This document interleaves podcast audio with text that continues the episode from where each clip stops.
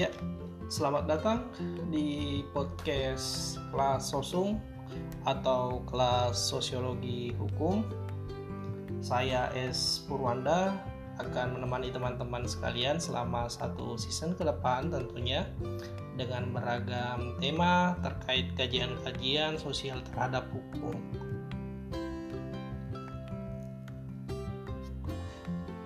Pada episode kedua ini saya akan membahas materi seputar e, negara modern dan sosiologi hukum. Jadi ini merupakan materi uh, lanjutan dari uh, episode sebelumnya. Jadi terkait soal materi ini pada dasarnya ingin bertujuan agar kita bisa mengetahui bagaimana bentuk daripada negara modern itu sendiri. Sebagaimana kita bisa lihat negara-negara modern hari ini tentu tidak ujuk-ujuk dia tiba-tiba hadir begitu saja. nah, uh, selain itu kita uh, juga uh, patut mengetahui sebenarnya bagaimana sendiri bentuk hukum dalam negara modern itu uh, serta bagaimana analisa kajian sosiologi hukum uh, terhadap negara modern. Kira-kira seperti itu garis besar tema kelas kita kali ini. Namun sebelum kita masuk pada episode kedua ini, saya ingin uh, sebelumnya meluruskan atau memberi koreksi pada episode pertama kemarin ya yang lalu uh, soal penyebutan istilah Volges atau jiwa suatu bangsa yang mana istilah ini uh, sebenarnya bukan melekat pada diri Eugen Ehrlich seperti yang saya sebutkan ya dalam rekaman yang lalu. Jadi uh, dia bukan dari Eugen Ehrlich uh, istilah Volges ini, tapi lebih pada pandangan dari Karl von Savigny. Ehrlich sendiri sebenarnya uh, lebih uh, kepada istilah penggunaan istilah the living law atau hukum yang hidup dalam masyarakat. Nah, uh, saya keliru uh, memberi uh, istilah yang harusnya uh, adalah Karl von Savigny yang mengeluarkan istilah Volges itu sendiri. Jadi, oke, okay, uh, kita lanjut. Uh, baiklah teman-teman uh, kelas sosum sekalian terkait pada materi kedua ini. Uh, pada episode yang kedua ini saya akan uh, membagi ke dalam tiga submateri. Yang pertama mengenai pola pembentukan negara modern, yang kedua mengenai karakter hukum modern, dan yang terakhir soal sosiologi hukum dalam negara modern. Nah, eh, pada submateri pertama saya akan menyampaikan terkait apa sih itu negara modern dan bagaimana negara modern itu terbentuk. Nah, eh, teman-teman sekalian, eh, pada dasarnya apa yang dimaksud sebagai negara modern itu adalah suatu keadaan di mana suatu bangsa atau masyarakat eh, mengalami perkembangan sosial yang dinamis tentunya dari waktu ke waktu atau masa ke masa dengan segala situasi politik yang melingkupinya. Nah, tentu uh, dengan beragam teoretisi ya uh, pemikiran uh, yang membangun konsepsi suatu bangsa dan masyarakat yang pada intinya sebenarnya uh, menginginkan ada lembaga yang menata kehidupan uh, masyarakat itu secara terstruktur, uh, rasional, formal, uh, dan birokratis. Nah, mencermati sejarah lahirnya negara modern, menurut beberapa referensi bisa kita simpulkan bahwa kalau saya beri istilah ketuban pecahnya ketuban negara modern ini sebenarnya bisa kita rujuk pada masa e, atau pada abad ke-18 di Eropa daratan terutama. Uh, Hal ini uh, diakibatkan uh, oleh gejala politik yang muncul bersamaan dengan uh, revolusi industri yang berkembang pada masa itu. Uh, seorang sosiolog uh, bernama Gianfranco Poggi ini menerangkan kemunculan negara modern uh, ke dalam lima fase.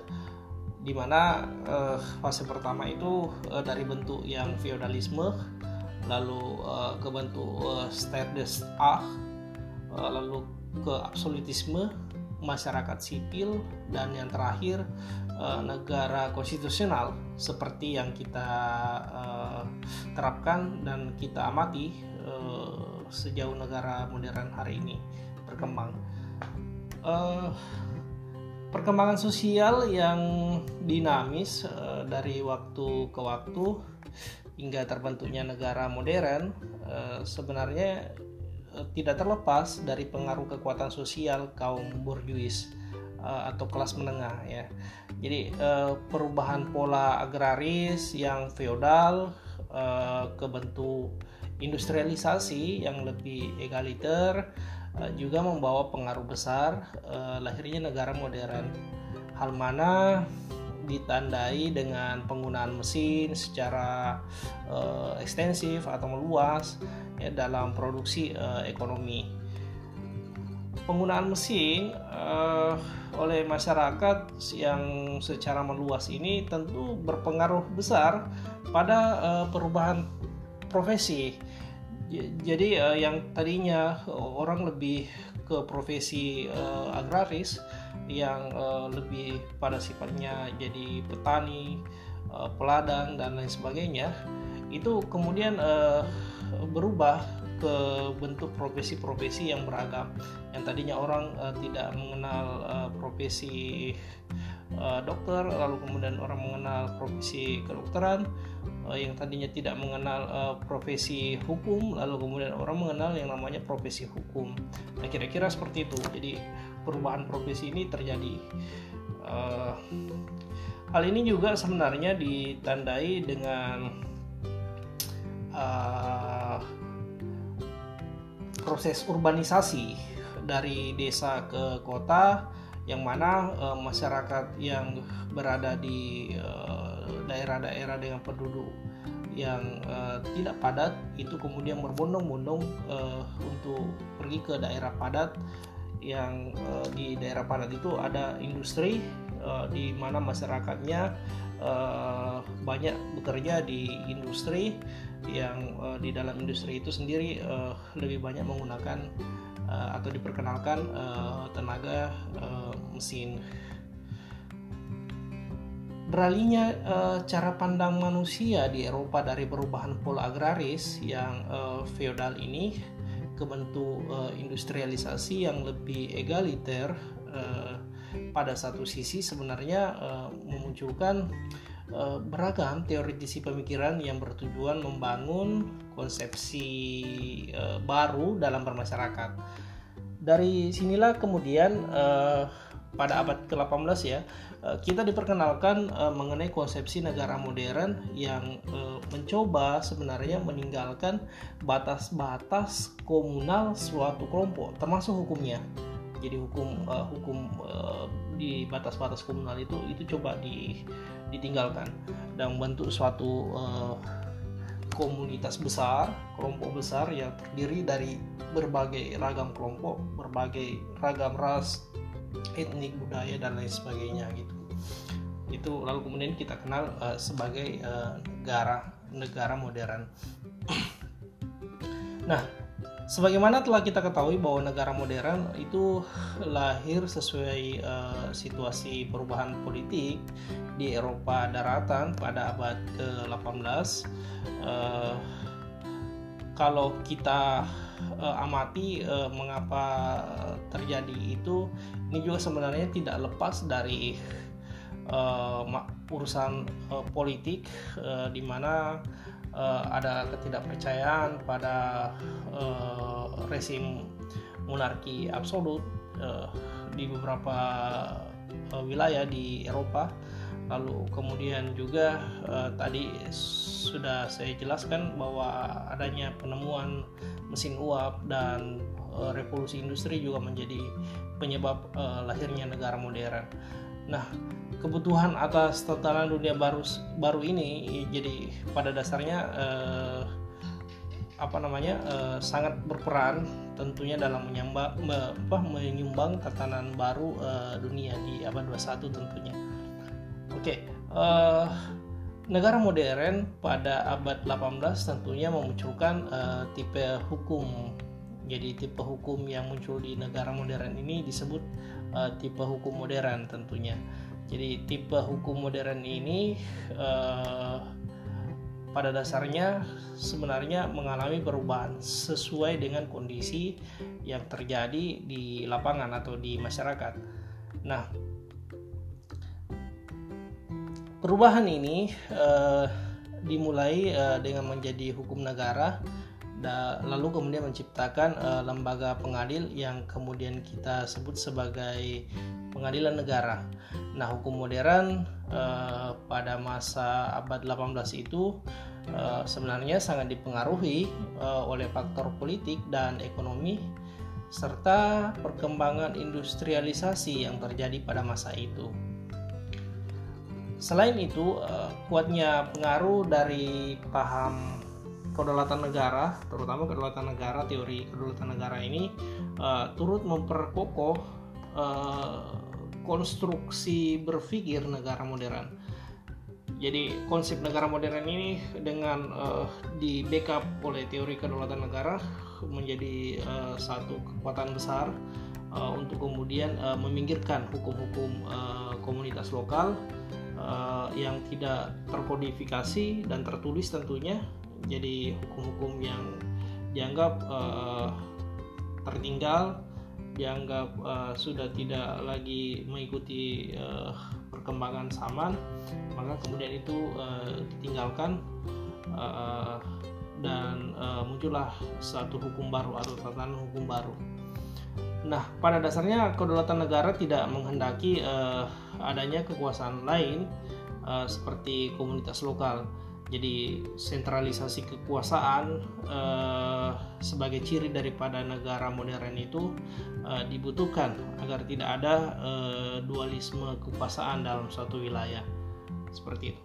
Nah, teman-teman kelas sosum sendiri uh, tentu mengetahui uh, bagaimana kacaunya ketika misalnya uh, negara itu memiliki uh, dua uh, kepala negara atau dua kekuasaan yang saling uh, berebut untuk menguasai. Nah pasti uh, akan terjadi konflik interest di dalamnya.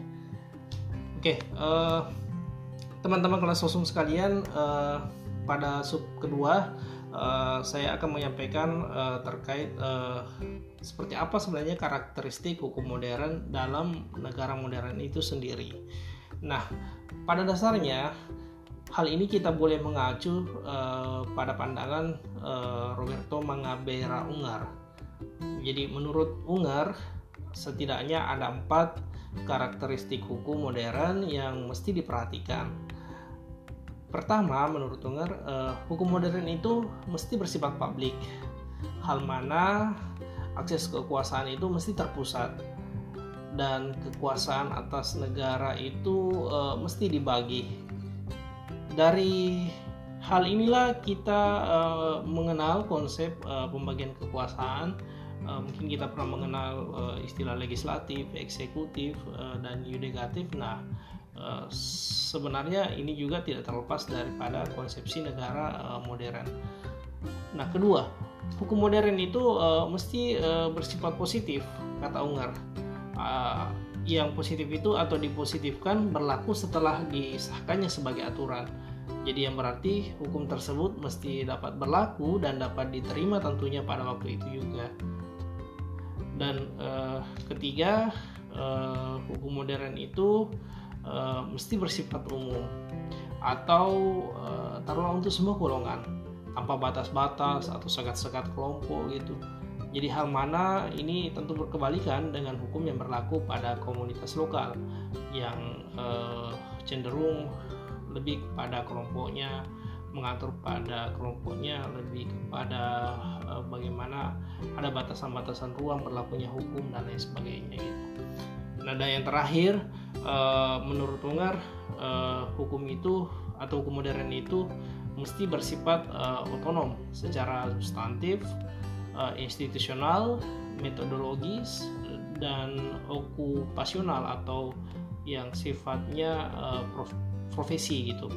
Nah, uh, khusus pada bagian keempat ini uh, mengenai uh, apa yang sifatnya secara otonom ini, jadi karakteristik hukum modern yang keempat ini uh, lebih kepada yang terkait dengan tersedianya sumber-sumber dalam masyarakat uh, seperti taruhlah ada struktur struktural uh, kesiapan struktural administratif lalu yang kedua misalnya ada badan atau lembaga eh, ada sekretariat atau kantor dan tersedianya tenaga atau orang yang terampil eh, baik secara administratif eh, apa administratif maupun keahlian spesifik terkait hukum itu nah hal-hal seperti itu yang mesti disediakan untuk apa pada bagian keempat ini. Nah karakteristik hukum modern ini tentunya berguna dalam melengkapi konsep formalisme hukum uh, yang membentuk hukum secara resmi, uh, prosedural, memiliki badan hukum yang bahkan sampai ke tingkat ia memiliki otoritas yang bertanggung jawab dalam menghadirkan hukum gitu dan melaksanakannya di atau menerapkannya di masyarakat. Nah, uh, di pembahasan sebelumnya atau episode sebelumnya saya sudah jelaskan mengenai uh, ini uh, bagaimana karakteristik formalisme hukum itu sendiri. Nah ternyata itu juga yang membentuk atau menjadi ciri khas daripada hukum modern. Nah teman-teman kelas sosum sekalian, yang terakhir untuk pada sub bab ketiga ini uh, sebenarnya mengenai sosiologi hukum sendiri dalam negara modern pada pembahasannya uh, menyangkut juga pada dasarnya soal karakteristik daripada kerjaan sosiologi hukum di negara modern.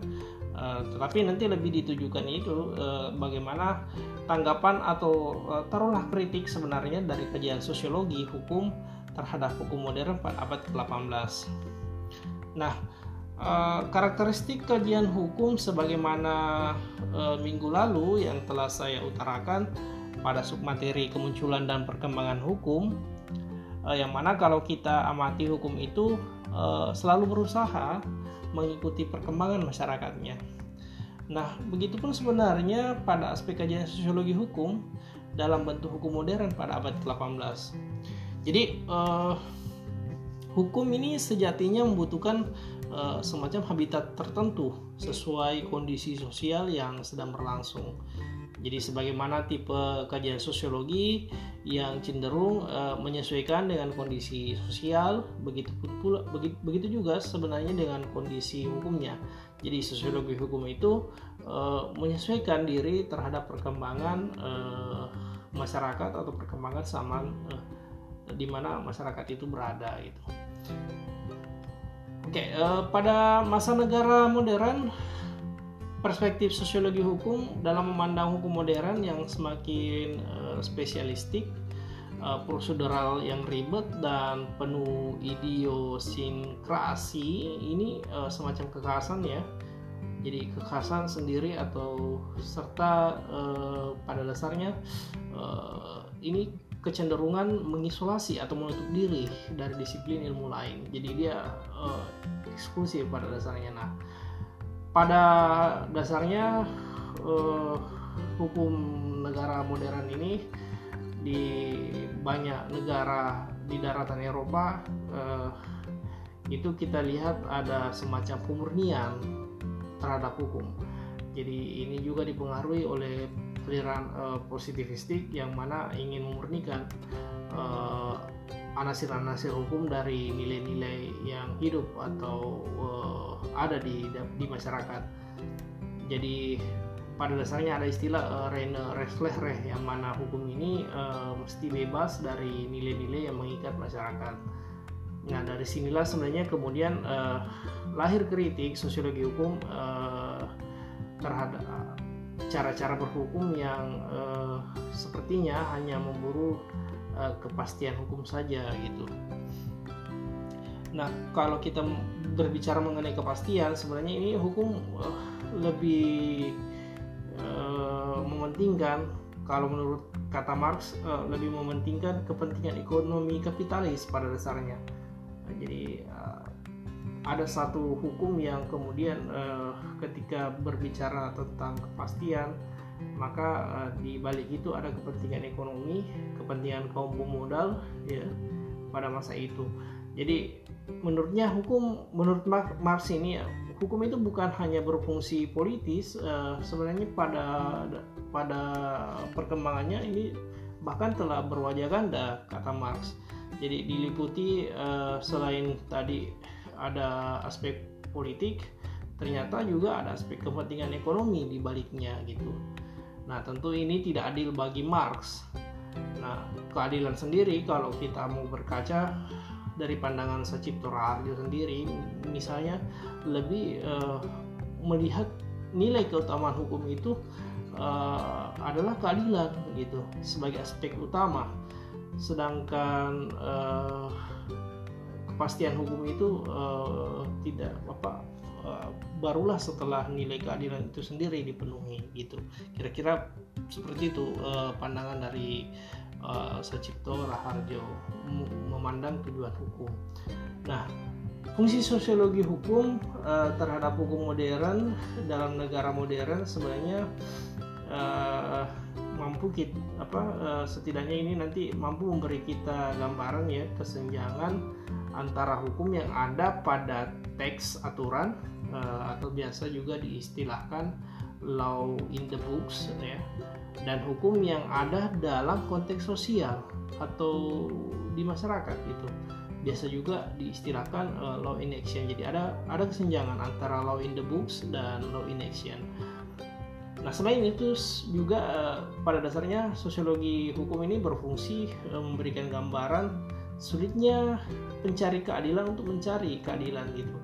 Jadi uh, sebab ini ya kira-kira uh, kalau kita berbicara tentang formalisme hukum segalanya kan sebuah prosedural ada lembaga ada penegak dan lain sebagainya. Lalu kemudian ketika orang untuk uh, mencari keadilan maka dia harus melewati segala prosedural yang berbelit-belit tadi gitu. Nah nilai keadilan di sini telah dilembagakan. Nah dan mesti uh, untuk mencari keadilan itu uh, dia harus menempuh terlebih dahulu dengan berbagai cara yang spesifik. Nah, seperti itu kira-kira gambarannya. Nah, lantas kalau kita berbicara bahwa itu fungsi daripada sosiologi hukum uh, dan banyak memberikan kritikan terhadap uh, paham formalisme hukum, terutama kecenderungan uh, positivisme di abad di abad itu negara modern lahir di abad 18 tadi, maka sebenarnya uh, apa sih yang bisa ditawarkan gitu oleh kajian sosiologi hukum dalam masa negara modern uh, bahkan yang uh, kita lihat negara modern ini masih bisa bertahan hingga hari ini gitu.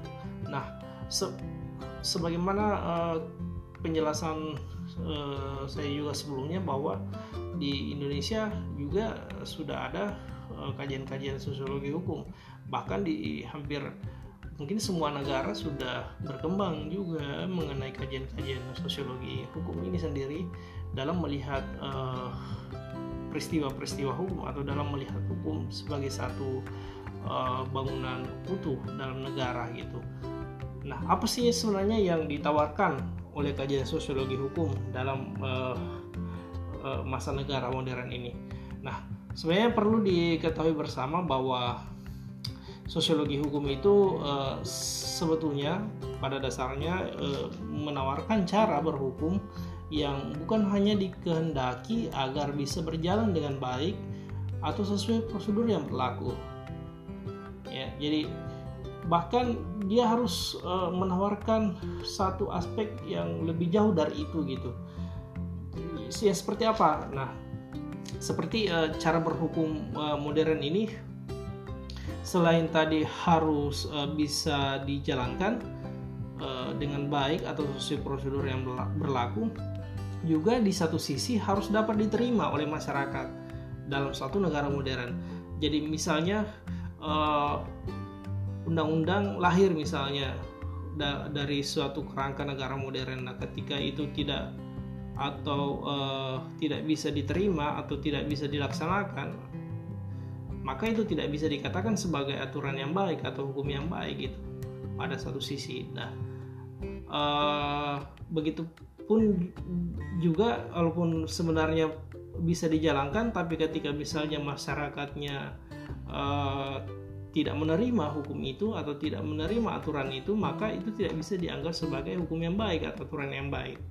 Ya kira-kira seperti itu uh, tawaran daripada uh, sosiologi hukum. Jadi pada dasarnya uh, sosiologi hukum mencoba memberikan tawaran bahwa bukan hanya hukum yang berlaku yang bisa dijalankan tapi lebih daripada itu hukum itu harus diterima oleh masyarakat dalam suatu negara modern kira-kira seperti itu fungsi uh, dan uh, kegunaan daripada kajian sosiologi hukum sendiri uh, pada masa uh, negara modern ini yang sudah kecenderungannya ke negara konstitusional.